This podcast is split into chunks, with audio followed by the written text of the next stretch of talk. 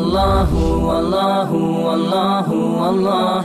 الله والله والله Allah. الله والله والله Allah. Allahu, والله والله Allah. ذاك العظيم في علا من أبدع الكون سوى سبحان الله وبحمد الله ولا إله إلا الله. ذاك العظيم في علا من أبدع الكون سوى سبحان الله وبحمد الله. الحمد لله رب العالمين. حمدا كثيرا كما أمر. اللهم لك الحمد عدد خلقك ورضا نفسك وزينة عرشك ومداد كلماتك. اللهم صل وسلم وبارك على نبينا محمد وعلى آله وصحبه أجمعين. اللهم علمنا ما ينفعنا وانفعنا بما علمتنا وزدنا علما يا كريم. أبو داود bilježi u svome sunenu od Ibn Abbasa radijallahu anhuma koji prenosi sljedeći događaj. Posvađalo se dva čovjeka u prisustvu Allahov poslanika alaihi salatu wasalam.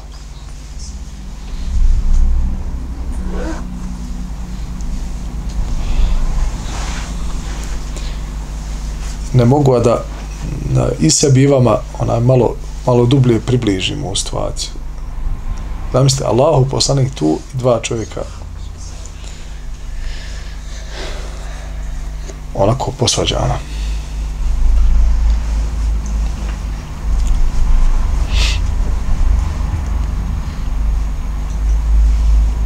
Šta li je bila tema njihovog? Jedan je vrijeđao drugog. Jedan je, nešto se posvađali, jedan je počeo da ga vrijeđa.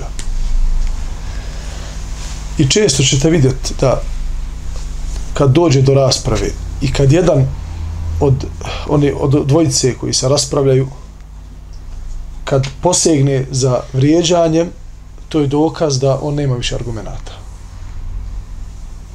Da želi da, da okrene e, svađu i raspravu oko nek dilemu, oko nečega, onaj, u tu, u tu stranu, znači da počne da vrijeđa, da omalovažava nekoga. Da.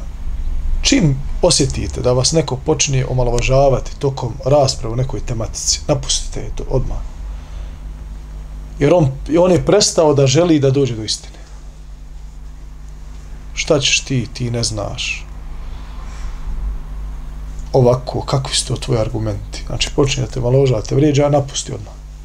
Jer to je, to je izgubilo svoj smisao. Ovaj drugi čovjek je šutao. Allahu poslanik, ali salatu wasalam, sjedio je i sjedio je Ibn Abbas, Ibn Abbas samo prenosi. I još nekolicina ashaba i slušali su to. Ovaj insan što je šutio, šutio jedno vrijeme. Trpio, trpio, trpio, nije više mogao i uzvratio. Kad je on uzvratio na vrijeđanje vrijeđanjem, Allahu poslanik alejsatu selam je ustao i kaže hajmo. Dobro, sad što, što je sjedio dok je jedan vrijeđao, a e sad kad je drugi počeo da uzvraća na to, Allahu poslanik ustaje. Pa su ga upitali, Allahu poslaniče, zašto si ustao? Pa je rekao Allahu poslanik alaih sallatu zato što su i meleci ustale. Kaže, dok je ovaj šutio, drugi, meleci su odgovarali onome na psovke. Oni su mjesto onoga što je šutio odgovarali na psovke. A kad je ovaj počeo da njega psuje, da ga napada, da ga vrijeđa, kaže, meleci su ustali i otišli. Ovaj hadis i ovaj događaj je prenio Ibn Abbas i imam Buharija ga e, prenosi u poglavlju vrijeđanja i psovke psovka u našem jeziku kada, kada se nešto definiše psovkom to je kod nas ima jednu drugu dimenziju jednu posebnu dimenziju onaj gdje, gdje se zna tačno ima izraz koji se u arapskom jeziku nije tako u arapskom jeziku e, bilo koja vrsta omalovažavanja vrijeđanja časti a? E, omalovažavanja ličnosti, porijekla, naziva se psovka. Naziva se psovku. Tako da ne mora znači da kao kod nas, znači to je malo uže karaktera, ona, zna se o čemu se govori. Nije sve, hoće ovaj hadis, i ovaj događaj, znači da nam, da nam kaže, da nam dade jednu poruku, nije sve baš onako kako ha, mi to samo vidimo. I ovaj događaj nas uči da nije podmoranje da ti moraš na svaku odgovoriti. Pogotovo, braćo moje, a, uživo rijetko ko koga izvriđa, tako u zadnje vrijeme. Zašto? Pa malo se, ona, hajde ovako malo, ona, o, malo narodno da to priđemo u ovoj tematici. Smanjio se broj domaćina. A, znate, prije kad se kaže, kaže, ovo, ovo je domaćin. Što znači, on će da ti valja ako niko, ali nemoj ga uvrijediti. Jer ako ga pokušaš omalovažavati ili uvrijediti, Boga mi domaćin zna vratiti. Dobro. Znaš, ovaj čovjek vrijedan domaćini, valja će ti dobar je komšija, dobar prijatelj, znači krvi će ti dati. Ali, s druge strane, znači čuva svoju čast, dostojanstvo je čovjek, znači čuva svoju porodicu, znači ima, imaju granice dokle se može se. Sve je manje domaćina, a sve je više mahale, sve je više onako prazne priče, što znači da ovaj kontekst nije toliko sad uživo. Znaš. Ali jest Boga mi preko društvenih mreža.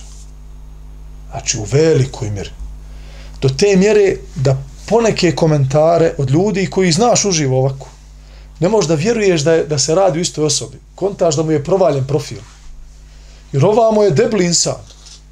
Znaš, možda čak i nekima ne poznaješ dobro boju glasa šutljiv, fin, nasmijan, dođe po selami se, nikome on nešto.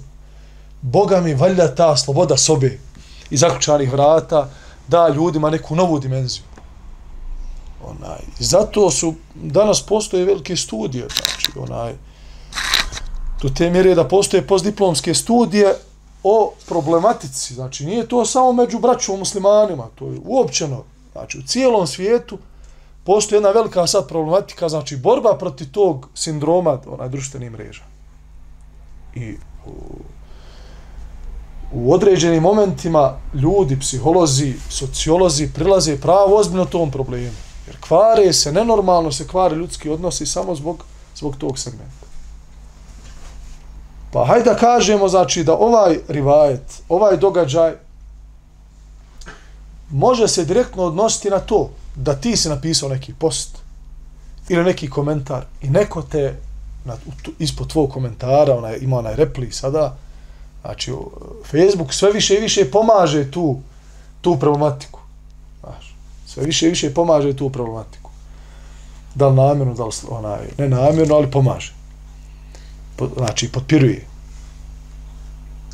Neko ti napiše post u kome ti ne vidiš da je tu ima dobre namjere komentar, repliku i tako dalje. Znači, nije to sad nešto argumentovano da on tebe ispravi, da ima Allah. Znači, ti tu vidiš da ima tu malovažavanje, da tu ima onaj pokušavanja, da, znači, pokušaja da, da se da, da se sroza ili, ili taj post da se smije i tako dalje. Je li podnužno da ti moraš odgovoriti na to? Nije podnužno. Pogotovo ako se radi o osobi koja nije, znači, ilumski, naučno, potkovana. Mlada osoba, znači, koji još leti pred rudu, znači, ne zna, ne zna granice, e, ne zna gdje mu je mjesto. Što da ti se zamaraš? A šta ćeš izgubiti ako mu ne odgovoriš? Hoće od Dunjaluk propast? Evo sada da gledamo, hajde, hajde samo osvrt jedan ovako, onaj, jest da ja monološki više onaj, predstavljam vama, ali u komunikaciji smo mi. Hajde sad zamislimo ovu dvojicu ashaba. On su ashabi, obojica. Znači, tu sa Allahovim poslanikom, ali sad to sam. Nije spomenuta njihova imena, jer u većini, većini slučajeva, znači, kada, se, kada dođe neki hadis rivajet u negativnom kontekstu, kada je neko došao Allahom poslaniku, alaih salatu wasalam, i učinio nešto što nije u skladu sa moralom Islama, ne, ashabi u rivajetima ne spominju njegova imena. Zašto? Čuvanje časti muslimana. Ali kaže, prišao Allahom poslaniku i, i otrgnuo mu onaj, e, pa mu ostalo crveno, pa mu jedan rekao, nisi pravedan. Jel to oni nisu znali njihova imena? Pa znali su njihova imena. Ali je bio sinonim za takve ljude, kaže, došao je Beduin. Allahom poslaniku. Znali ime i prezime vas. Habi su znali, Ebu Bekr je bio poznat, braćo moja, po tome da je bio jedan od najboljih poznavalaca a, rodoslovlja ljudi. Znači, ti smo neki komšija tamo 40 i znati ne pra, prađedu. Znate, tamo do Idrisa, ali i salama. Znači, sve ti zna. Jer su oni, oni su onaj, e, Arapi, kod njih se to drugačije gleda. Kod njih, kod životinja ima što, onaj, porijeklo. Pa ne znam, nija ova deva je iz, iz tog porijekla, tog plemena, taj neki, ne znam, nija, onaj, prije stotinu, dvjesto godina, on je to jaho, to konja, pa mi smo čuvali njegovo porijeklo, tako da, kamolin sana. Onaj. Znalo se, ali se krilo krila se sramota brata muslimana. Ova dvojica ashaba, ovaj što je šutio, a? jel u vašim očima, ko je, bio, ko je bolji? Ovaj što je šutio, što je trpio, ili ovaj što, što ga je što počeo da vrijeđa? U vašim očima sada. Ko je bolji? Ko je šutio? Iako u našem ovamo žargonu, a, šutio, aha, znači, ne smije, prpa ga ufatila, miš. Nije miš, braću moje. Znači, evo, pogledajte da nije kod Ebu Dauda, u Sunenu. Znači, do, dostojanstvo, čuvao je svoj moral. Dobro, onog trenutka, kada više nije mogao da izdrži, znači, negdje ga je ubo, ovaj sa vrijeđanjem, krenuo je da govori, Allaho poslanik diže ruke kao što su i meleci koji, koji su tada bili vidljivi za Allahov poslanika, digli ruke. Otišli s tog međlisa. Jel bilo preče da ga meleci nastave braniti ili da on sam sebi brani? A meleci da ga nastave braniti. Da on šuti do kraja. Da izdrži taj maraton. Korak je, ali da ga izdrži.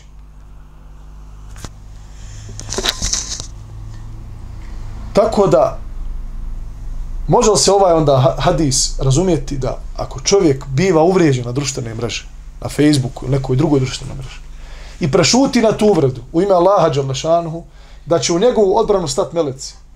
Može li se razumijeti ovaj rivajet kao tako? Može se razumijeti. Nema, ne postoji zabrana da se razumije tako. Znači u hadisu nije došla, a ja ono koliko poznajem, nije ni u drugim hadisima došla zabrana da postoje mogućnost da u tom trenutku meleci stanu u tvoju odbranu i da odgovore tom klevetaru ili tom čovjeku koji je, koji je ona, nemoralno se ponio u tom postu ili ne znam, nija omalovažio tvoje mišljenje ili tvoje čast ili ličnost. A s druge strane, ako odgovoriš, ne postoji također zabrana da ako su već meleci stali u tvoju korist, da su ustali i da su digli ruke od tebe. I da su prestali da te brane. A da ne kažem u ovom dunjaličkom aspektu da nisi tu onaj da kažem potpalio ili dolio onaj ulje na vatru da se raspiri mržnja među muslimanima i da uključi i druge ljude, pošto je to sve javno, da se oni uključe u tu raspravu i da dođe do mržnje i netrpeljivosti među braćom muslimana ili uopšteno među ljudima, što nam to nikako ne koristi. Ne treba nam to. Ni među muslimanima, a i među onima, onim ljudima za koji mi smatramo da treba da ih pozovemo u istinu. Tako da, onaj, ovo je jedan kratki apel koji je potkrijepljen ovim, ovim rivajetom od Ibn Abbas radijallahu anhuma da se maksimalno izbjegavaju rasprave na društvenim mrežama. I da u slučaju da čak i direktno budeš napadnut ili dostojanstveno odgovore, čak sa jednom dozom hvale onoga ko te napao. Jer tu ćeš ga, tu ćeš ga onaj, matirati on te prozove, ti ga matiraš sa time, onaj, da je cijenjen, da uvažavaš njegovo mišljenje i tako dalje. onaj i e, ne može, a da mi ne naumpadne ajet iz sure Fusilet, kada je ovo pitanje. Kada Allah Đelešanuhu kaže da na loše uzvrati dobro, dobro. I ti ćeš vidjeti kada to uradiš, da će tvoj otvoreni neprijatelj postati tvoj priski prijatelj. Prisni prijatelj. Jer to je šahmat. Ne, bil, evo, vi stavite sebe u tu situaciju. Da je duša onaj bila u tom trenutku sklona zlu, sklona onaj, ne znam ni ja, e, tom, tom jednom ne, nevaljalom gestu, pa vi napisali jedan post ružan i neko s druge strane te pohvali ili spomeni neki tvoj fin manir ili ti se zahvali na postu i dostojanstveno ti odgovori, amatirote. Znači, pobjednik je 100% kako god ga okreniš. Tako da, onaj, Allah najbolje zna, ali smanjiti rasprave i, uh, i prošli put smo, mislim, tu činjenicu spomenuli, onaj, ega, a evo i ovaj put, znači, odmah, pogledajte kako, kako ego ima dodirnih tačaka sa mnogo strana. Znači, jedna, jedna velika oblast. I on, on, on nikad neće ispariti iz naših života. Samo je bitno koliko ga ti kontrolišeš. Koliko si ti ovamo svjestan ovih islamskih vrijednosti, jer islamske vrijednosti, ovaj moral, znači knjiga o Adebu od imama Buharije, to, to tako uređuje ego da to, da to onaj, da to se ne može, ne može se miriti.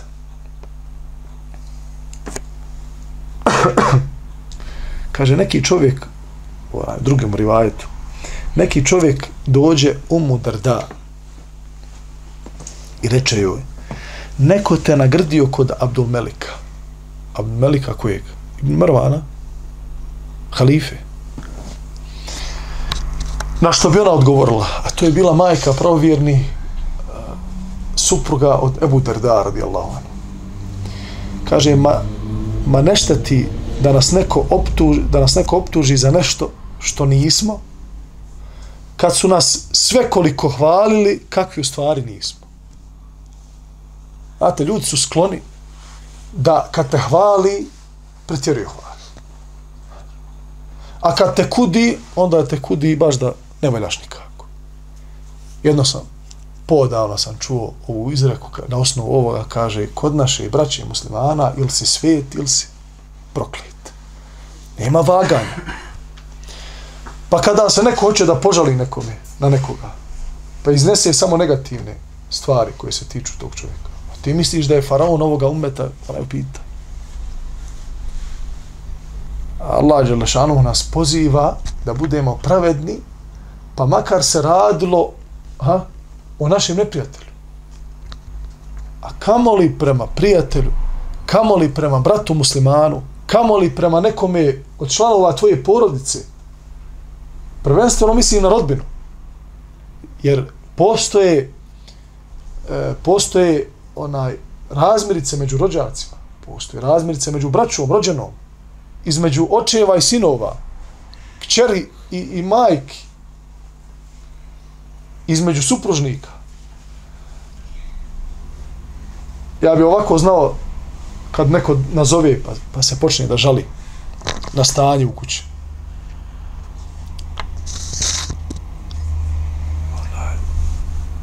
Reći kad vidim da, znaš, da, da, da je u pitanju uh, više histeričnost i ono, onaj, uh, emotivni nekakav, nekakav nagon da se samo istrese, da, da samo ispriča te nekakve onaj, probleme i kaže ono kao meni je dosta, ne trebaš ti me ništa rešavati. Meni je bitno da sam ja to sad istreso, da sam rekao, znaću se ja. Dobro rekao, Allah se smilovo, onda i kad vam bude nekad fino, izađete na izlet, podete, pa vam bude super atmosfera, nazovi na kraju dana, reci da vam je bilo fino. Ali neće niko. Niko ne nazove kad je fino. I fino bude možda 5-6 mjeseci, onda u petom mjesecu nešto krahira, znaš, eskalira nešto. E, kaže, daj da nazovem daju, onaj, da nam ovo on riješi. Pa strpi se, Allah se smilovo. O in في شيء fi. Pa ako vi prezirete nešto kod njih. Fa asan tekra u še'inu eđa'al Allah fi hajran kiti. Nešto prezirete, nešto puno volite. Pa polako. Sa'a o sa'a. Jedan sat, ha? Jedan sat ovako Znači, nešto prezireš, ali nešto voliš. Pa budi pravedan, pa kad hoćeš da nazoveš, pa sjeti se neki fini stvari. Pa bio je život, kaže, bili su deset godina u braku i ne mogu više. A kad su ruže cvale deset godina, šta je tada bilo? Zašto se niko nije nazvao? Nego, jednostavno, danas e, nema se toliko strpljenja. Okruženje je veoma bitno. Da bi ostala jedna kuća zdrava, veoma je bitno u kakvom okruženju živimo. Nisam pobornik konzervativnih društava. Se razumijemo. Volim da ljudi slobodno razmišljaju. Ja lično, kao Almir Kapić, volim da ljudi slobodno razmišljaju, jer Islam nas uči slobodi da vjeru i akidu koju gajimo i u kojoj smo ubijeđeni, da to bude striktno iz naše totalne slobode. Jer Allah Đalešanu kaže la ikrahe fid din. Nema prisile u vjeru. Jer prisila u vjeru dovodi čovjeka do toga da ne bude iskren. Ako te neko prisiljava na određeni čin, to znači da ti to ne bi učinio, sem ako si na to prisiljen. Pa kakva je tu iskrenost prema Allahu Đerlešanuhu, znajući da je ključ svakog dijela, da bi ono imalo prođe, da, da kod Allaha bude kabul. Iskrenost prema Allahu, iskren odnos, predanost, da to bude u ime njega, subhanahu wa ta'ala. Ako to djelo nije iskreno, onda nije ni kabul na samom početku, pa makar bilo pole same čabe, makar ono bilo učinjeno u svetome haramu, u svetome mjesecu, u trenutku kada Allah Đelešanu najviše oprašta svojim robojima, ako to djelo tada bude učinjeno, ipak neće biti Kabul samo zbog jednog faktora koji manjka tom dijelu, a to je iskrenost. Tako da ja nisam pobornik, ali vjerujte da ta društva koja imaju određene faktore, koje drže budnim, koje drže da se zna šta je sramota, da se zna šta je e, šta je ajb, što bi rekli na arapskom jeziku, znači šta je sramota, šta valja, šta ne valja, sinek, ne valja ovo. Prije manje je znanja bilo. Manje je znanja bilo. Ali bilo reda. Bilo je dovoljno ljudima da se kaže to valja, a ovo ne valja, da im bude dovoljno, dovoljan elan i pokrep, da znači to se ne radi. Sine sramota je. I da se prestane i problema je manje bilo. Daleko manje problema je bilo. Pa onda krene od same kuće, pa evo ako već pričamo o tim porodičnim onaj problemima i, i navali nekakvih onaj razvoda danas i tako.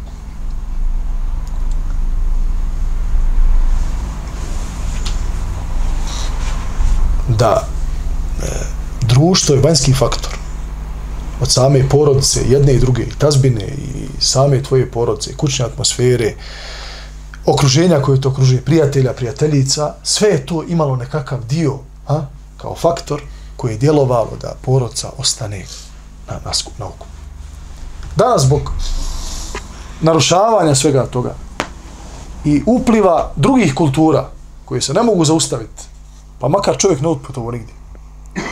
Danas smo mi upoznati sa svim kulturama cijeloga svijeta, a ne moramo ni izaći Sarajeva. Prute putem interneta, putem medija, znamo kakav je običaj u Japanu, znamo kakav je u Kini, znamo kakav je u Americi, znamo kakav Njemačkoj, kakav je u Austriji, kakav je u, na Filipinima. Sve to utiče manje ili više na čovjeka, ponekada u pozitivnom, a ponekada u negativnom smislu. Tako da u osnovi o, što umu drda, o, pogledajte koliko je ona, samo zbog te činjenice, što je shvatila ovu stvar, da su ljudi skloni pretjerivanju, hvaljenju i pretjerivanju kuđenju, koliko je bila rasterećena. Zamislite da je ona da ona nije bila svjesna ovoga faktora i da nije bila odgojena u medresi Allahu poslanika alejhi salatu selam. ha? U medresi Kur'ana i Sunneta, ispravnog razumijevanja dini islama, koliko bi se opteretila, nasikirala. Danas 90% sikirancija biva proizvodom nepoznavanja ovih stvari, nepoznavanja prirode života čovjeka. Pa ti se isikira živ zbog komšiluka, pa se isikira živ zbog mahale. Amo, opusti se čovječe, živi svoj život. Allah se smilo. Ali ona znala ovaj faktor. A nije mala stvar da te neko po lošijem spomene, spomene pred predsjednikom države. Pogotovo u to doba, da ti ne znaš o kojoj tematici je bilo riječ, gdje je neko mogao da, bi, da bude pozvana odgovornost, a manje i više, pa da i zato bude kažnjen, zbog klevete, zbog ovoga onoga. Kaže, kudete kod Abdulmelika ibn Mervana? Vala, kaže, i kad su nas pref, prevaljivali, ono, znaš, da smo mi zahid, da smo ama, ne znam, nije, letimo po nebesima, nije me i tad interesovalo. Pa me, kaže, i sad plaho ne interesuje, ne tangira šta su o meni rekli. Odmah sebi olakšaš. Jer nisi vezan, znači, za, za, on, za mišljenje ljudi, koliko si vezan, šta gospodar o tebi misli.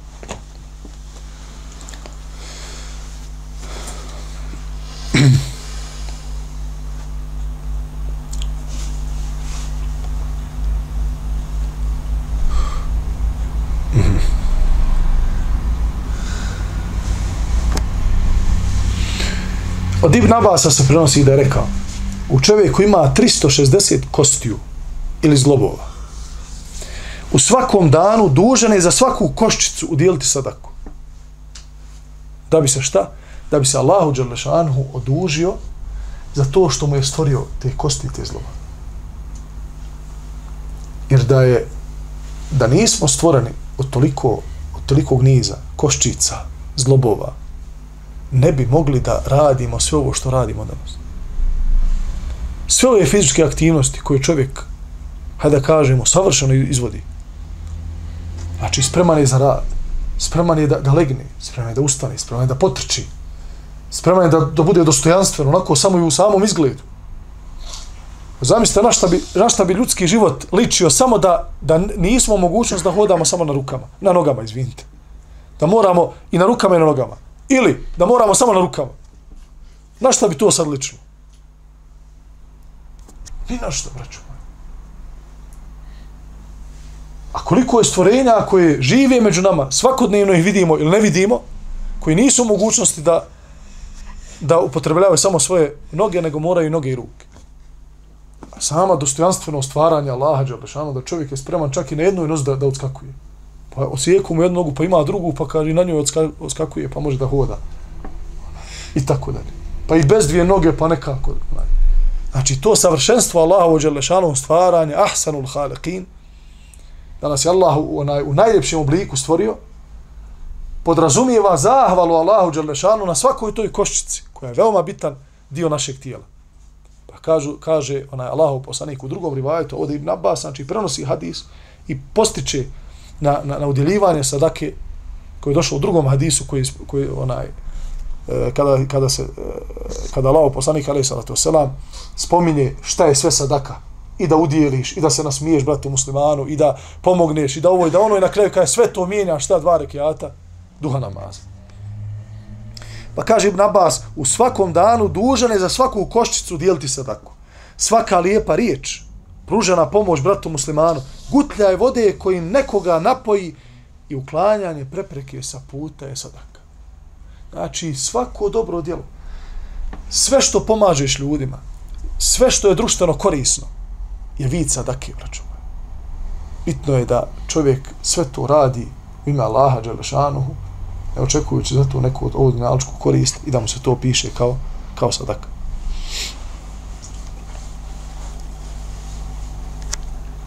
Od Ebu Horeira radijallahu anhu se prenosi da je vjerovjesnik alaihi salatu wasalam rekao grijeh za psovku, za grđenje se piše onome ko prvi, ko je prvi počeo. Sve dok ovaj drugi ne pretjera. Dok ga ne počne grditi više nego što je ovaj njega prvi počeo. Ome se prvo piše. Iz ovoga, braćo moja, postoji jedno pravilo elementarno islamu. A to je da čovjek ne dozvoli sebi da iz njegovih usta izađu psovke i da samim time sebi našteti ili da samim time ne, ne zasluži grije koji Allah najbolje zna dokle ga može dovesti. Zato ćemo navesti dva primjera. Prvo, primjer čovjeka kojeg je Allah poslanik alaihi salatu wasalam spomenuo u vjerodoslovnom hadisu kada kaže, alaihi salatu wasalam, nemojte psovati svoje majke ili svoje roditelje. Pa su ashabi začuđeni rekli, Allah posljedniče, kako mi to da psujemo svoje roditelje, svoje majke? Kaže, tako što ćete drugom čovjeku opsovati njegov, njegovu majku, njegov, njegove roditelje, pa će on vama opsovati vaše, pa ćete time zaslužiti, znači, kao da ste sami sebi opsovali. Jer si čovjeka bukvalno natjerao psovkom, da i on tebi opsuje, pa si time opsovao svoje, svoje roditelje, što je veliki grih. A drugi primjer je primjer koji Allah Đalešanu navodi u Kur'an Kerimu, u kojoj bez imalo sumlje iz njega se vadi jedno e, usulsko pravilo, seddu zarija, to jeste sprečavanje nevo, nevolje ili sprečavanje, znači, e, e, negativnosti s tim što ćeš e, određene stvari a, skloniti, znači nećeš je raditi iz bojazni da se ne, ne desi veća šteta, iako u osnovi, znači, to je dozvoljeno. Primjer, Allah Đelešanov primjer koji navodi, jeste psovanje i grđenje nekih, e, to jeste stvari koje se obožavaju ima Allaha Đelešanu kada kaže وَلَا تَسُبُّ الَّذِينَ يَدْعُونَ مِنْ دُولِ اللَّهِ فَيَسُبُّ اللَّهَ عَدُوًا بِغَيْرِ عِلْمِ Nemojte psovati, nemojte grditi one koji oni obožavaju mimo Allaha, pa da oni u neznanju grde Allaha i psuju Allaha, a da to i ne znaju. Pa ćeš ti doći kod čovjeka koji obožava kravu ili obožava neki kip ili neko drugo lažno božanstvo i ti ćeš početi da ismijavaš njegovo božanstvo. Da kaže, eto ti tvog božanstva, sutra će biti zaklano. Eto ti tvog onaj božanstva, ne znam, nija, onaj, e, čuo sam da ti umrlo, krava umrla, ili ovo, ili ono. I da on nesvjesno iz revolta, što obožava to, to mu je božanstvo. Mi znamo da je to mizerno, ali ono, ono je ubijeđeno da je to Bog koji mu daje na fak, koji ga oživljava, koji ga smrčuje, on će nesvjesno da počne da grdi Allaha, pa da ti vrati, zavoltira, znajući na kojoj si ti vjeri, pa da vrijeđa Allaha, Đalešanu i, na, i samim time ti imaš grije. Znači, tebi nije naređeno. Ko ti je naredio da ti grdiš ta božanstvo?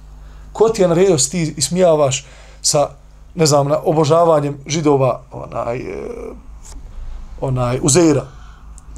Ko ti je rekao da se trebaš ismijavati kršćanima na, na, na, na, na obožavanje? Argumentovano mi priči da ti, ne zbog njih, ne zbog kršćana, ne zbog židova, ne zbog ljudi koji drugi, obož, onaj, drugi vjera, ne zbog njih da, da budeš prema njima fin, kulturan, da oni osjete da ti želiš hajr njima i dobro, ne zbog njih radi Allaha, Đalešanuhu, ali veoma bitno da ljudi osjete u tebi iskrenost, da im želiš dobro. I da se da nisi taj koji se uzdiže iznad njih samo zato što se ne isti da kažeš dođite vam da ja nešto objasnim. Sjedi ovdje. Tako se ne poziva u islam. Knjige su prepune, braćo moja, načina na koje su e, prve generacije pozivali ljudi u islam.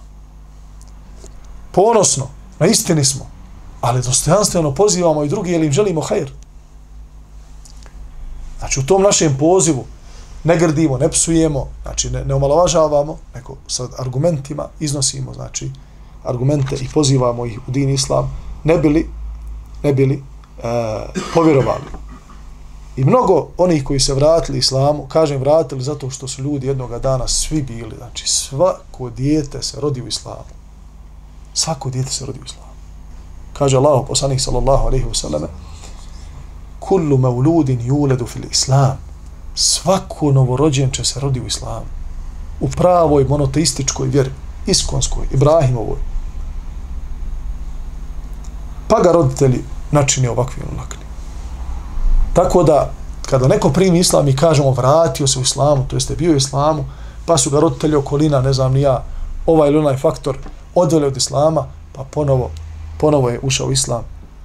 Većina njih svjedoči da ih je moral muslimana, lijep odnos, korektan odnos, dobročinstvo, iskrena namjera, ono što su prepoznali kod muslimana, ono što nema kod drugih, da su ih iskreno pozivali u, u Allahu dželle vjeru i pored toga da su da su znači uvidjeli da je islam istina i da je dokaz da je Kur'an i Kerim od Allaha dželle a da nije napisan rukom čovjeka i nije izmišljeno od, od strane čovjeka, kaže Allah dželle وَلَا wala بِيَمِينِكِ bi yaminik idha al kaže ti nisi taj Kur'an pisao svojom desnicom, to jest nisi ga ti izmislio. Nisi ti njegove strofe Muhammeda izmišljao. Inače, lako bi to prepoznali oni koji ne žele da krene, krenu pravim putem. To bi bilo lako da se prepozna. Uzmite Kur'an i Kerim, čitajte ga od početka do kraja. Nijedna riječ nije čovjekova. Svaka riječ je božanska. I ne može se kopirati, niti se može nešto slično tome izrecitovati.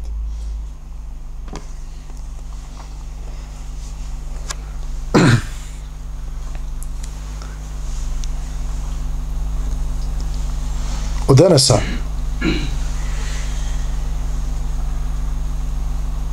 se prenosi isti, isti znači onaj hadis.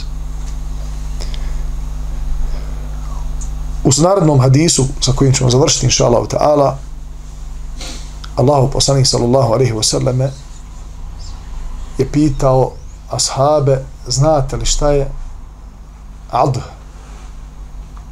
pa su rekli ashabi Allah i njegov poslanik najbolje znaju pa Allahu poslanik ali salatu wasalam, podučuje da je to vrsta potvore. Da je to vrsta, znači, iako vijesta može da bude istinita, ali da njen rezultat, a, rezultat te istine biva poput potvore. Na koji način? Kaže Allahu poslanik, kada čovjek čuje neku vijest i ode da je širi drugim ljudima sa ciljem da ih posvađa međusobno. Kaže, iako je tim ljudima ispričao istinu, to se tretira poput neistine, poput laži, poput potvore, zato što isti rezultat. Šta je na kraju rezultat potvore? Šta je rezultat prenošenja istine sa ciljem da se e, posvađaju dva muslimana ili skupina muslimana? Isti je rezultat. Znači, isti je rezultat. Mrzit će se međusobno. Teško ćeš ih pomiriti neće nikad jedan drugome moći srčano da halale, da pređu preko, osim kome se Allah Đelešanu smiluje, da u istinu ima toliko čisto srce i iskren odnos prema Allahu Đelešanu da kaže ovo je dunjaluk, mi smo svi griješnici, svi možemo da griješimo, možemo da, da, da izletimo, imamo trenutke slabosti, ja sam ti halalio, mi smo braća muslimani, ima nešto što je važnije od ovog dunjaluka i od, i od, i od onoga što, što se nalazi na njemu, a to je vječni ahiret, to je Allahu Đelešanu zadovoljstvo, pa zbog toga ti ja halalim, ne bi li Allah Đelešanu meni oprostio, pa takvi Allah Đelešanu uzdigne na dunjalku prije ahireta. Ali, kaže Allah poslanik, alaih sallatu selam, želite li, znači, da znate šta je ad, to je šta je, šta je taj sinonim za vrstu potvore, koja se može pronaći i u samoj istini, kaže Allah, njegov, Allah i njegov poslanik najbolje znaju, kaže, to je istina koju čovjek prenosi drugim ljudima kako bi ih međusobno zavadio, kako bi ih posvađao, kaže, to je jedna vrsta potvore. Tako da, ne mi imati, braću moja, ono što je došlo kod muslima u sahihu, jedno od sigurnih načina kažnjavanja u kaboru. A šta je nemimet? Prenošenje istine drugim ljudima. Čuo si nešto? Ja sam čuo nešto od tebe i odem to ispričam Amru. Amr ode ispriča Zaidu. To je sve nemimet. Prenošenje tuđih riječi znači događaja, negativnih događaja koji utiču na međusobne ljudske odnose. Šta je definicija nemimeta? Prenošenje priča i ljudskih događaja a, koji su negativni. Znači neko je nešto loše napravio, neko je nešto lo, loše izrekao i ti to prenosiš imao za cilj rušenje međusobnih odnosa ili ne imao. Bitno je samo da prenosiš a to će neminovno uticati na međusobne ljudske odnose, to se naziva nemimetom, to je strogo zabranjeno i kod muslima u sahihu od Ebu Hurere radijallahu anhu, Allah poslanik sa osaleme kaže kada prolazi pored dva kabura, ova dva stanovnika, znači ova dva kabura, se kažnjavaju, a ne kažnjavaju se radi krupnih stvari. Nije u pitanju ubijstvo, nije u pitanju zinaluk, nije u pitanju krađa, nije u pitanju e, obešćavanje onaj ljudske časti, pitanje je nečuvanje od mokraće i pitanje nemimet. Kaznana u Berzahu prije sudnjega dana Allah Đalešanuhu najbolje zna molim ga subhanahu wa ta'ala da nas uputi na pravi put. Molim ga Đele Đelaluhu da nas ukrasi sa moralom pravih muslimana. Molim ga subhanahu wa ta'ala da učvrsti naša srca na istini. Da nam omili pravi put da nam dadne snage da ustrajemo na putu istine i da skončamo sa ovoga svijeta sa riječima la ilaha ila Allah Muhammed Rasulullah. Aqulu qavli hada wa astaghfirullah li wa lakum. Subhanaka Allahum bihamdika šadu wa la ilaha ila anta astaghfiruka wa atubu ilaik. Mm.